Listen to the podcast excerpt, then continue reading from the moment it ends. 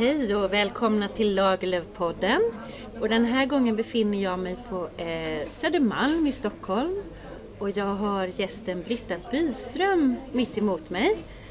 Och Britta, välkommen hit och du ska också få presentera vem du är. Mm, tack så mycket. Eh, ja, jag är tonsättare.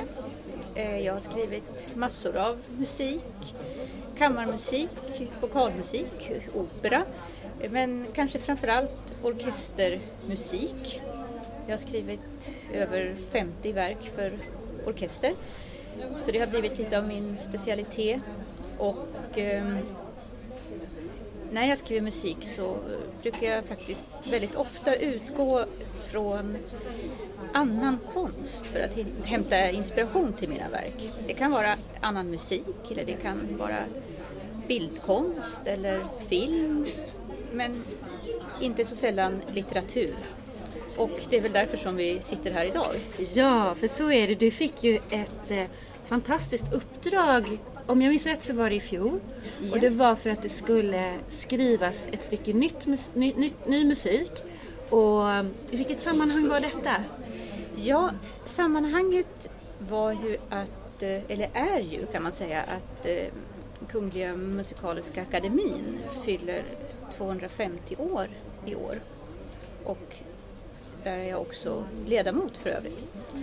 Och ehm, då eh, ville eh, Sveriges professionella blåsorkestrar eh, fira detta jubileum genom att beställa ett nytt verk tillsammans. Och vi har faktiskt sju stycken professionella blåsorkestrar i Sverige, vilket är ganska mycket tycker jag.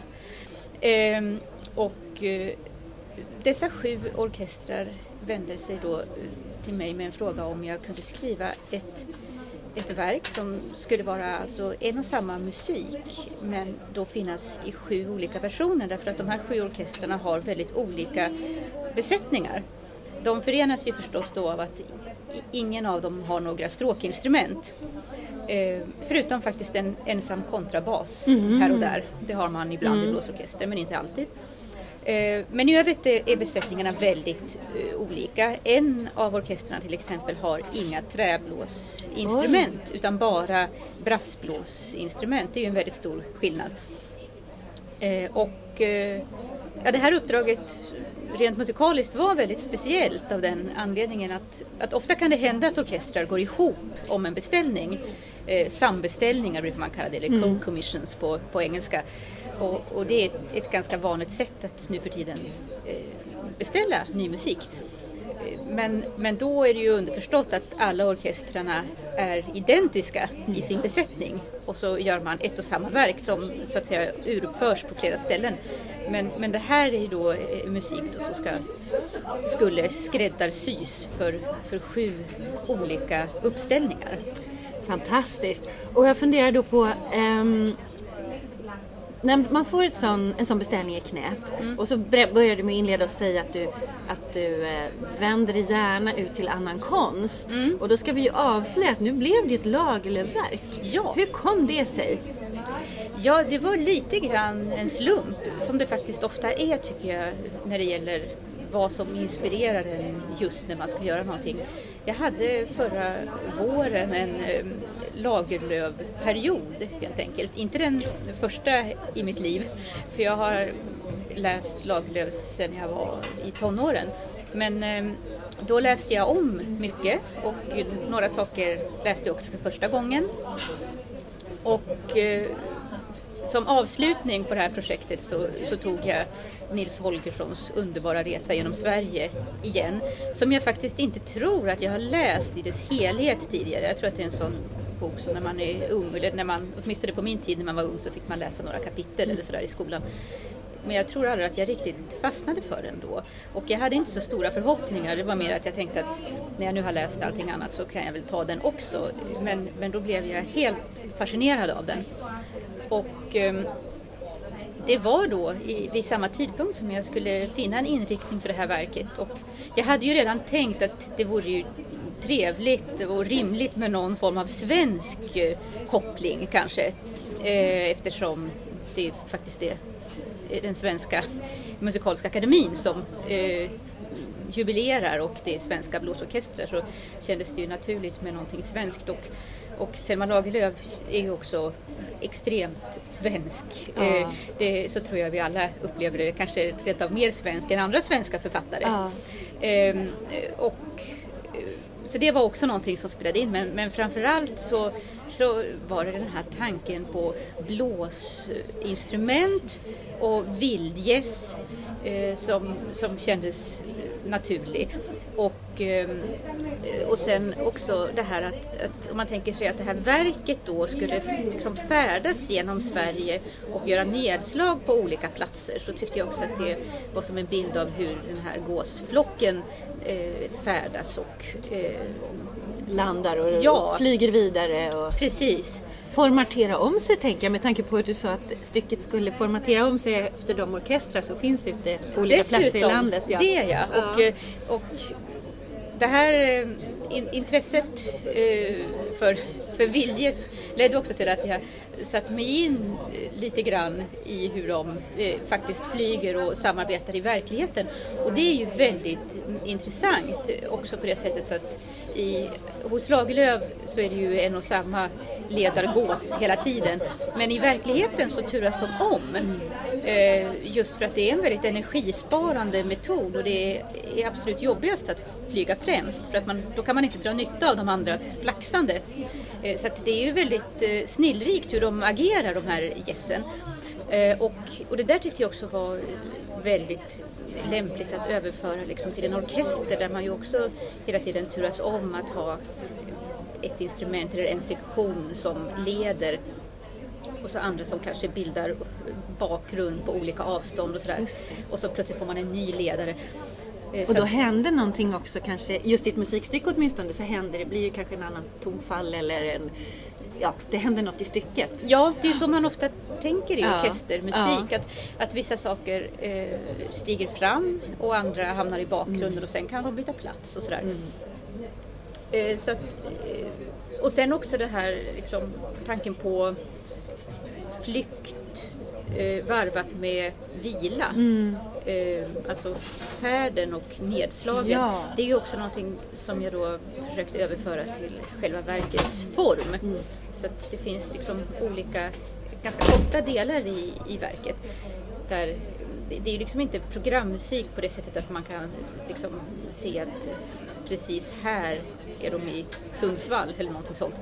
Men, eh, men däremot så finns den här eh, växlingen mellan något som färdas och så att säga vilar och flyger iväg på nytt. Ja. Den finns i musiken. Ja. Och jag som har lyssnat kan bara hålla med att, att så kändes det verkligen. Och jag upp- hade också en upplevelse när jag lys- lyssnade på stycket att, att jag ibland kunde känna hur de sänkte sig genom, genom luften. Nästan som, som en eh, långsam berg och dalbana. Men man liksom, det kom, de kom på glid och, och, och sen stillade sig i vissa delar och sen så hände det något och så det du pratade också om gässens ljud är ju väldigt framträdande i stycket där, man, där du, det blir väldigt lekfullt. Jag märker att jag sitter och ler när jag pratar om det för att eh, du har ju bitar där, där, eh, där man nästan kan känna att det är gässen som pratar med varandra, det blir någon slags ekon och, och det kommer tillbaka och ibland är det mer lite fågelljud kanske än just gäss. På, för mig, och det, det är alltid så i lyssnarens i det här fallet, så blev det ju eh, Ja, väldigt, det blir som en naturupplevelse att lyssna. Om, om, just med att jag, jag hörde andra fågelljud också, inte bara gässen. Men det är ju min liksom, upplevelse. Ja, men så kanske det, så kan man säkert uppleva det. Ehm, även om jag har tänkt mycket på det här som ropandet som, eh, som jag förknippar med gässen då. Att de, eh, hos Lagerlöf så ropar de ju allting två gånger. Hon Eh, roar sig med det. Ja, Eh, och eh, det, det är någonting som jag också har försökt överföra till musiken då. Och överhuvudtaget den här känslan av att det är en flock där varje eh, medlem säger något litet och kort. Men att det tillsammans blir någonting, att det blir som en sorts mosaik i musiken. Ett mönster som uppstår av många små insatser och många olika röster. Så att det, det fanns väldigt mycket att leka med i det här. Är det en fördel som, som kompositör att man faktiskt sätter sitt uppdrag begränsade på ett sätt. För jag vet, så kan man ju känna inom skrivandets konst till exempel att man, man får x antal tecken man ska skriva eller tema man ska hålla sig till. För den här ramen du själv sätter nu, att du, du kopplar det till ett verk, du kopplar det till gässen och sen är ju styckets eh, titel, det är väl sista avsnittet i boken också? Ja, det är precis För sista titeln är- kapitlet. Ja, avsked eh, från vildgässen. Just det, från, så det är när Nils tar farväl när han Ja. har kommit hem igen. Och ehm, jag tänker den här ramen, är det en fördel när man komponerar? Att man liksom har bestämt sig att innan, innanför det här, för du, jag menar du skulle kunna tagit hela boken och det skulle kunna varit eh, alla möjliga djur med som räven kunde ha sprungit iväg och så, men du bestämmer dig och så håller du. Är det en fördel? Ja, jag tycker det.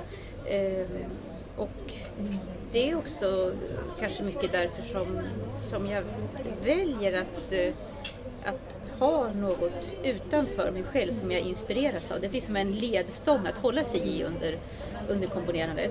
Och det är förstås dels för att hitta fram till det man vill finna i sin musik men, men som du säger så är det ju också eh, det är en, en hjälp att, att hålla fast vid sin, sin ursprungliga idé så att man inte liksom plötsligt försöker göra någonting helt annat än vad man först tänkte sig. För det blir sällan särskilt bra. Och eh, ett sånt här verk tar ju ganska lång tid att skriva så man kan ju många gånger hinna tröttna på sin egen idé eller vision eller tänka att jag kanske borde ha gjort något helt annat och sådär. Men min erfarenhet är att, att eh, man, man bör ändå slutföra det man har eh, föresatt sig för att ge verket och idén en, en chans. Och vill man göra något annat så kan man göra det i nästa verk. Ja. Det är lite grann som att om man ska måla en, en tavla så måste man kanske vid något tillfälle bestämma att det är det här motivet. Jag ska inte måla en hel äng, jag ska måla en blomma. Eller tvärtom. Ja. Ehm, det har att göra med liksom, perspektiv och distans. Och, eh, I det här fallet så tänkte jag mycket på just det här att eftersom verket skulle vara möjligt att spela då på sju eh, olika besättningar så, så fick det inte vara för beroende av detaljer. Det skulle vara möjligt att känna igen fastän förutsättningarna förändrades. Det måste finnas en, en tydlighet i själva upplägget. Och, eh, och det tänker jag också då då hade jag den här bilden av V-formationen, alltså gässen som flyger på himlen som ju är som en, en sorts som en affisch nästan, som man ser på håll. Man går inte in och tittar på varje enskild fot eller fjäder utan, utan, utan man ser det som ett, ett mönster av, av kroppar. Ehm, Just det, har du fått erfara, för nu har det varit så speciella tider med coronan, har du fått erfara, det, när det uruppfördes så var det ju på Musikaliska här i Stockholm. Ja. Eh, och jättefint ska vi säga till lyssnarna också att man kan gå in och och hitta det på nätet. Eh, och eh, då var det så fina inslag också på nätet kring eh, det här urförandet så berättar man, du finns i en intervju men du var ju också i ett sammanhang med massa olika kvinnliga kompositörer, historiska, bland annat Elfrida André som ju hade samverkan med Selma. Men jag ville bara nämna det så vi inte tappar det att lyssnarna kan ju faktiskt gå in och, och lyssna igen. Absolut, det är bara att Ja. logga in. Eller man behöver inte ens logga in, det ska jag inte säga. Nej, man det behöver bara kvar. använda länken helt Ja, enkelt på precis. hemsidan. Så den finns kvar där för jag, jag lyssnade senast i morse. Men tillbaka till min fråga där för då, då var det ju en besättning. Mm. Har, du, har du fått höra det i någon av de andra orkestrarna? Har det varit svårt nu när det har varit de tider som det är? Det Ja, det har ju blivit eh, en del uppskjutna eh, uruppföranden förstås. Eh, jag är väldigt tacksam och imponerad över att Blåsarsymfonikerna lyckades genomföra detta. Det var, det var inte lätt att ha en produktion eh, just då, men de gjorde det. Eh, och eh, sen finns det ett par andra orkestrar som har satt datum. Det kommer att bli i september ett uruppförande och ett annat i oktober till exempel. Så att det, det kommer. Men hittills har jag faktiskt bara hört en version. Ja, hur kändes det när du satt där? Fick, du, fick du ens, ja du fick ju naturligtvis vara en av de få som satt med Ja, jag, i rummet. För var- när man ser på filmen på nätet så ser man ju att det är ganska tomt. Det var absolut tomt, det var bara jag. Eh, så att eh, jag var med då under repetitionerna också och eh, under konserten. Och eh, det här, jag har liksom indelat besättningarna från 1 till 7 eh, efter hur stora orkestrarna är. Och där nummer ett då är den största och sju är den minsta. Och den version vi då fick höra var nummer tre. Så att den är liksom då någonstans i mitten. Så det var ju en väldigt bra början. Så jag tror att den ger ett bra uh, genomsnitt kanske man kan det. säga. Det, det är inte det största och inte det minsta. Eh, och och eh, det blev ett fantastiskt fint uruppförande. Det, det är helt lätt att spela det här och eh, man får också tänka på att orkestern hade inte kunnat spela tillsammans på länge eh, dessförinnan på grund av pandemin. Så det var, som jag förstår det, den första produktion de gjorde på åtskilliga månader. Men, men eh, alla var otroligt väl förberedda och ambitiösa och eh, tillmötesgående på alla sätt. Så att jag tycker att det blev verkligen ett jättefint uruppförande. Ja, och det är lekfullt, eh, jag som har lyssnat. Så att de har nu väldigt roligt. Orkestern såg väldigt, ut att ha väldigt roligt för du har ju något, något stycke mot slutet där, du, där du, de bara spelar på sina munstycken. Eh, trumpeten i alla fall som jag uppfattade det. Och sen har du en annan rolig sektion när, när en kornett eller trumpetare spelar rakt in i bastuban. Just det, och det var ju Så det blir något häftigt eko där. Ja, och det var ju ingen bra idé så här i coronatider. Ehm, visade det sig. Det där är en sån här, jag har inte hittat på det själv, Nej. men det, det är en, en teknik som, som normalt sett inte används i seriösa sammanhang kan man säga. Utan jag spelade själv trumpet som ung och då spelade jag i såna här brassband och man gjorde lite lättare typer av musik och sådär. Då, då var det där en, en sån här effekt som, som någon amerikansk brassensemble hade hittat på. Att man kunde göra på det sättet att, att trumpeten spelar med sitt klockstycke, sitt lilla klockstycke inne i tubans stora klockstycke samtidigt som tubaisten fingrar på sina ventiler utan att spela och då får man alltså liksom ett slags eh, eh, tremolo på tonen så att det låter liksom nästan som en balalaika eller någonting sånt, väldigt speciellt. Men det här, eh, under de här omständigheterna då så visade det sig att, att eh, de fick inte vara så nära varandra så att trumpetare fick inte gå fram till tubaisten på det viset som, som faktiskt är föreskrivet i partituret. Men vi löste det genom Ja, det kan man, om, man, om man tittar på den här filmen så kan man se det. Att det var helt enkelt en, en trombonist, eller han spelar i fonium, som fick hålla upp en tuba som då inte spelades i och eh, liksom sträcka upp den mot trumpetaren. Ehm, Ja, det, det var ju väldigt fint att det gick att ordna överhuvudtaget men det blev Ja. inte riktigt som det var Nej, tänkt. som du, ljudmässigt blev det en viss skillnad. Ja, det, den här effekten eh, kommer att höras ännu lite mer när vi slipper våra restriktioner. Men, men eh, det blev i alla fall något av den.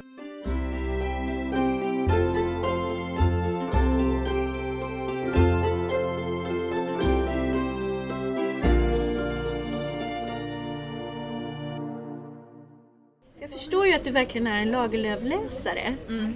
Vad är det i hennes verk som du kan ta fasta på, som, du, som, som berör just din läsning och ditt hjärta? Eller? Ja, det är, det är väldigt svårt att säga faktiskt. Jag tycker Ja. att det finns, det är någonting eh, magiskt tycker jag i hennes tilltal. Eh, inte i allt hon har skrivit. Mm, Jag tycker faktiskt att hon är en, en ganska ojämn författare och hon blir ju inte bättre med åren utan hon blir sämre. Eh, från att ha börjat på en fantastisk nivå med just en saga. Eh, men jag tänkt på nu, eller jag tänkte på det när jag läste om många av hennes böcker, att hon, hon har ju en enastående förmåga att börja sina berättelser. Alltså hon är ju känd för liksom, äntligen stod prästen i predikstolen. Men det är bara ett exempel på en fantastisk början. Och hon, även, även noveller eller romaner som sen kanske spårar ur lite har nästan alltid en fantastisk början.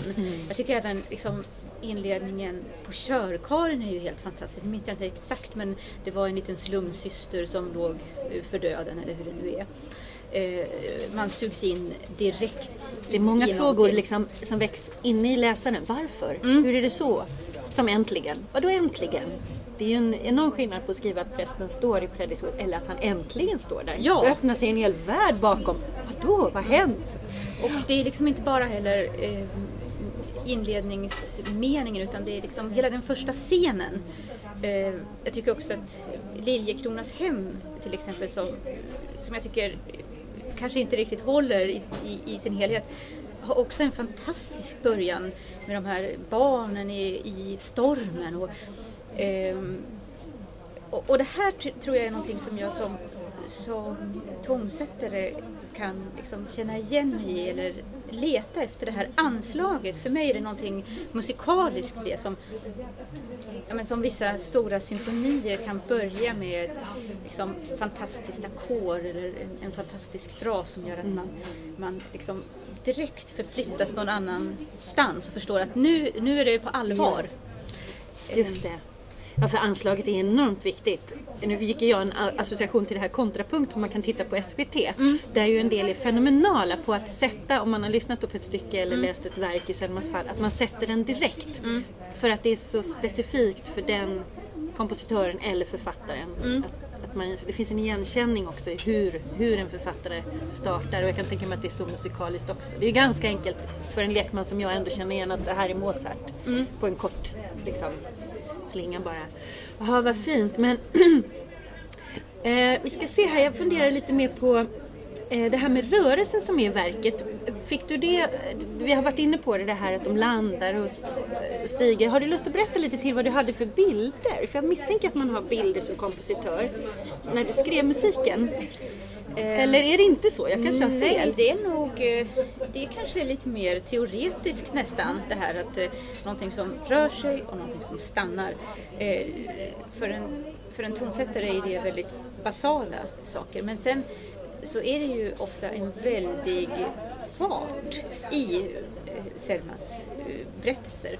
Nu läste jag senast i, idag någon som klagar över att man, man talar om eh, författare med bara förnamn. Man, man har ju en benägenhet att säga Selma men vi kanske ska säga Lagerlöf. Mm. Eh, det har faktiskt varit en ganska stark eh, diskussion kring det genom åren. Ja. Och nu är, jag knappt, nu är jag lite osäker på vad vi har sagt men, men jag håller med dig. Från och med nu så ja. säger vi Lagerlöf i den här podden också. Eh, eh, nej men eh,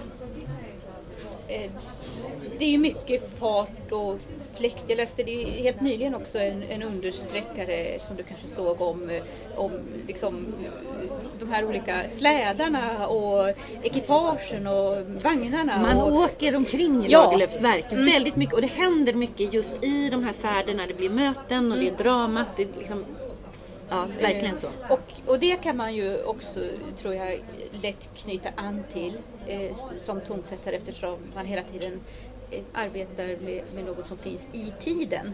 Och på det sättet så, så upplever jag att eh, Lagerlöf finns, eh, liksom att hennes författarskap utspelar sig i tiden på ett speciellt sätt som jag tror också har att göra med liksom, eh, kopplingen till den muntliga traditionen och sådär som jag förstår också är omtvistat. Och, om man läser Anna-Karin Pams eh, biografi till exempel så, så riktar hon mycket kritik mot att man har liksom fäst sig så mycket vid liksom, Ja, muntliga... att det skulle undergradera. Lagerlöfs förmåga som författare. Samtidigt så är det kanske snarare är att hon är så musikalisk så att hon ärver ner det på något sätt och utnyttjar den förmågan och, i ja, sitt berättande. Eh, för jag tycker inte att det är en eh, Alltså det är inget förminskande i att bygga sitt författarskap på, på en muntlig tradition och för mig är det mer en, en det betyder att jag hör hennes röst. Alltså, jag har även hört eh, henne som ljud, i ljudboksform. Eh, det finns ju en fantastisk inläsning av Gösta Berlings saga till exempel. Eh, av, vad heter han nu då? En svensk skådis. Ja, gud nu försvann namnet. Du får klippa bort det här sen. Men han som har sjungit eh, In 34 denna kåk har varit våran ja, ja, ja, visst. herrans år. Ja, den personen, ja. vi kan slå upp vad han heter. Vi slår upp sen. Ja. Eh, han har gjort en fantastisk inläsning av Gösta Berlings saga. Och, eh, eh, och eh, där tycker jag också eh, styrkan liksom, i hennes författarskap framgår på ett särskilt sätt. Man får en sån bra eh, inläsare. Att det, att det är, eh, att det är liksom en, en röst, det är en text som, som låter och sjunger. Hon är ju också i sitt sätt att berätta. Vet jag, Myrberg. Myrberg, ja. Duktigt. Ja. Bra, där kom det. Mm. Eh, för hon är ju också i sitt sätt att författa. Så går hon ju in med författarrösten i Gösta till exempel, O sena tiders barn. Mm. Då är det ju verkligen en berättare som tar scenen. Ja. Det, är ingen, det är väldigt sällan hon berättar om ett, alltså ett jag. Mm. Eh, utan det, det, är en, en allvetande berättare. Och den kan ju växelverka i, mm. i hennes verk och finns med ibland men är borta mm. ibland. Men det är absolut. Mm. Eh, att, att där är också väldigt specifikt för henne. Och, och säkert bottnar i en slags berättarröst som mm. fanns långt tillbaka, det muntliga. Ja, Britta, det är roligt att du är så inläst på Lagerlöf och har så mycket tankar kring det. Eh, vi ska snart avrunda tänkte jag. Jag ska titta här på mina små anteckningar vad jag, vad jag hade så vi inte missar någon sån här. Jag kom på en ja, sak till här bra. angående vad jag fastnar för hos Lagerlöf. Mm. Så att det inte bara kommer att handla om hennes förmåga att börja för det känns ju lite, lite litet ja. kanske. Eh, något som, som jag också har, tror jag, fastnat för hos Lagerlöf. Det är liksom jag uppfattar att hon alltid är på jakt efter de här magiska ögonblicken i människors liv då man, ofta kan det röra sig om ett tecken från Gud eller man förstår ett sammanhang, en tillfällighet som, som får en betydelse som gör att människor fattar ett visst beslut eller ändrar hela sitt livs inriktning. I Jerusalem är det mycket så. Ja. Väldigt mycket så i Jerusalem. Jag har precis läst om ettan. Oh. Och det är hela tiden så. Absolut. Uh, och uh, jag tycker kanske ännu mer i andra delen är det väl när uh, den här personen ska åka därifrån och sen, eh, jag kommer inte ihåg precis hur det där utspelar sig men, men i, i samma ögonblick så kommer ju den kvinna som han ska åka därifrån för att hämta kommer dit. Eh, vilket ju eh, blir också så som ett tecken på att han ska stanna där och så. Eh, och eh, i Gösta Berlings saga så finns det ju också den här eh, som, ju också är ett fantastiskt dilemma. Var det, var det Gud som sände vargarna? Eller var det djävulen som sände vargarna? Eh, vi har blivit, någon styr våra liv, men vem? Och vem ska man, vilken kraft är det som... som... Ja, och ska vi lyssna på den kraften? Ja. Mm. Och där ger hon ju inte alltid svaren och där, det är ju också eh, intressant för då mm. blir hon inte så enkel. Nej. Alltså hon, hennes komplexitet finns ju också i det att hon inte alltid ger svaret. Mm. Mm. Ja, för jag minns när jag läste, det blev, var ju en så fin artikel inför det här i mars när eh, uruppförandet skulle vara, så var det en fin artikel i Dagens Nyheter. Och då eh, så pratade du just om de där mirakulösa, mirakulösa ögonblicken. Mm. Eh, och Nils Holgersson har ju, eh, är ju också, där är ju också några sådana vändningar när han får insikter och han ställs inför dilemmat om, om eh, hans älskade Mårten ska läggas på slaktarbänken ja. eller inte. Mm. Och det vet ju inte vi som läser heller, hur kommer det lösa sig? Mm. Och så blir det magin som gör att han blir stor igen, att han, att han mm. är inbjuden till mänsklighet igen efter att ha ju färdats därifrån som en, en ganska elak pojk ja. så har han fått lov att ingå i mänskligheten igen. Mm. Och jag tror att som, som tonsättare så ska man också lätt förstå den här, den här jakten på de stora ögonblicken eftersom det är det som man strävar efter hela tiden i musik. Att, att man vill inte skriva ett musikstycke som, som bara eh, går förbi eh, utan utan att göra något intryck utan det är, liksom, det är som skruvens vridning. Det måste, eh, någonstans måste det läggas in en extra växel. Mm. Och, eh, och, och, där tror jag att eh, jag känner att det finns något att hämta hos, hos Selma Lagerlöf som, som också är på jakt efter den växeln på något sätt i sitt mm. författarskap mm. hela tiden. Mm. Jag tror vi stannar där Britta. Tusen tack. Jag ska avrunda med att säga också att ni som vill lyssna på Brittas verk så finns det på nätet och under Svensk musikvår 2021. Tack! Tack!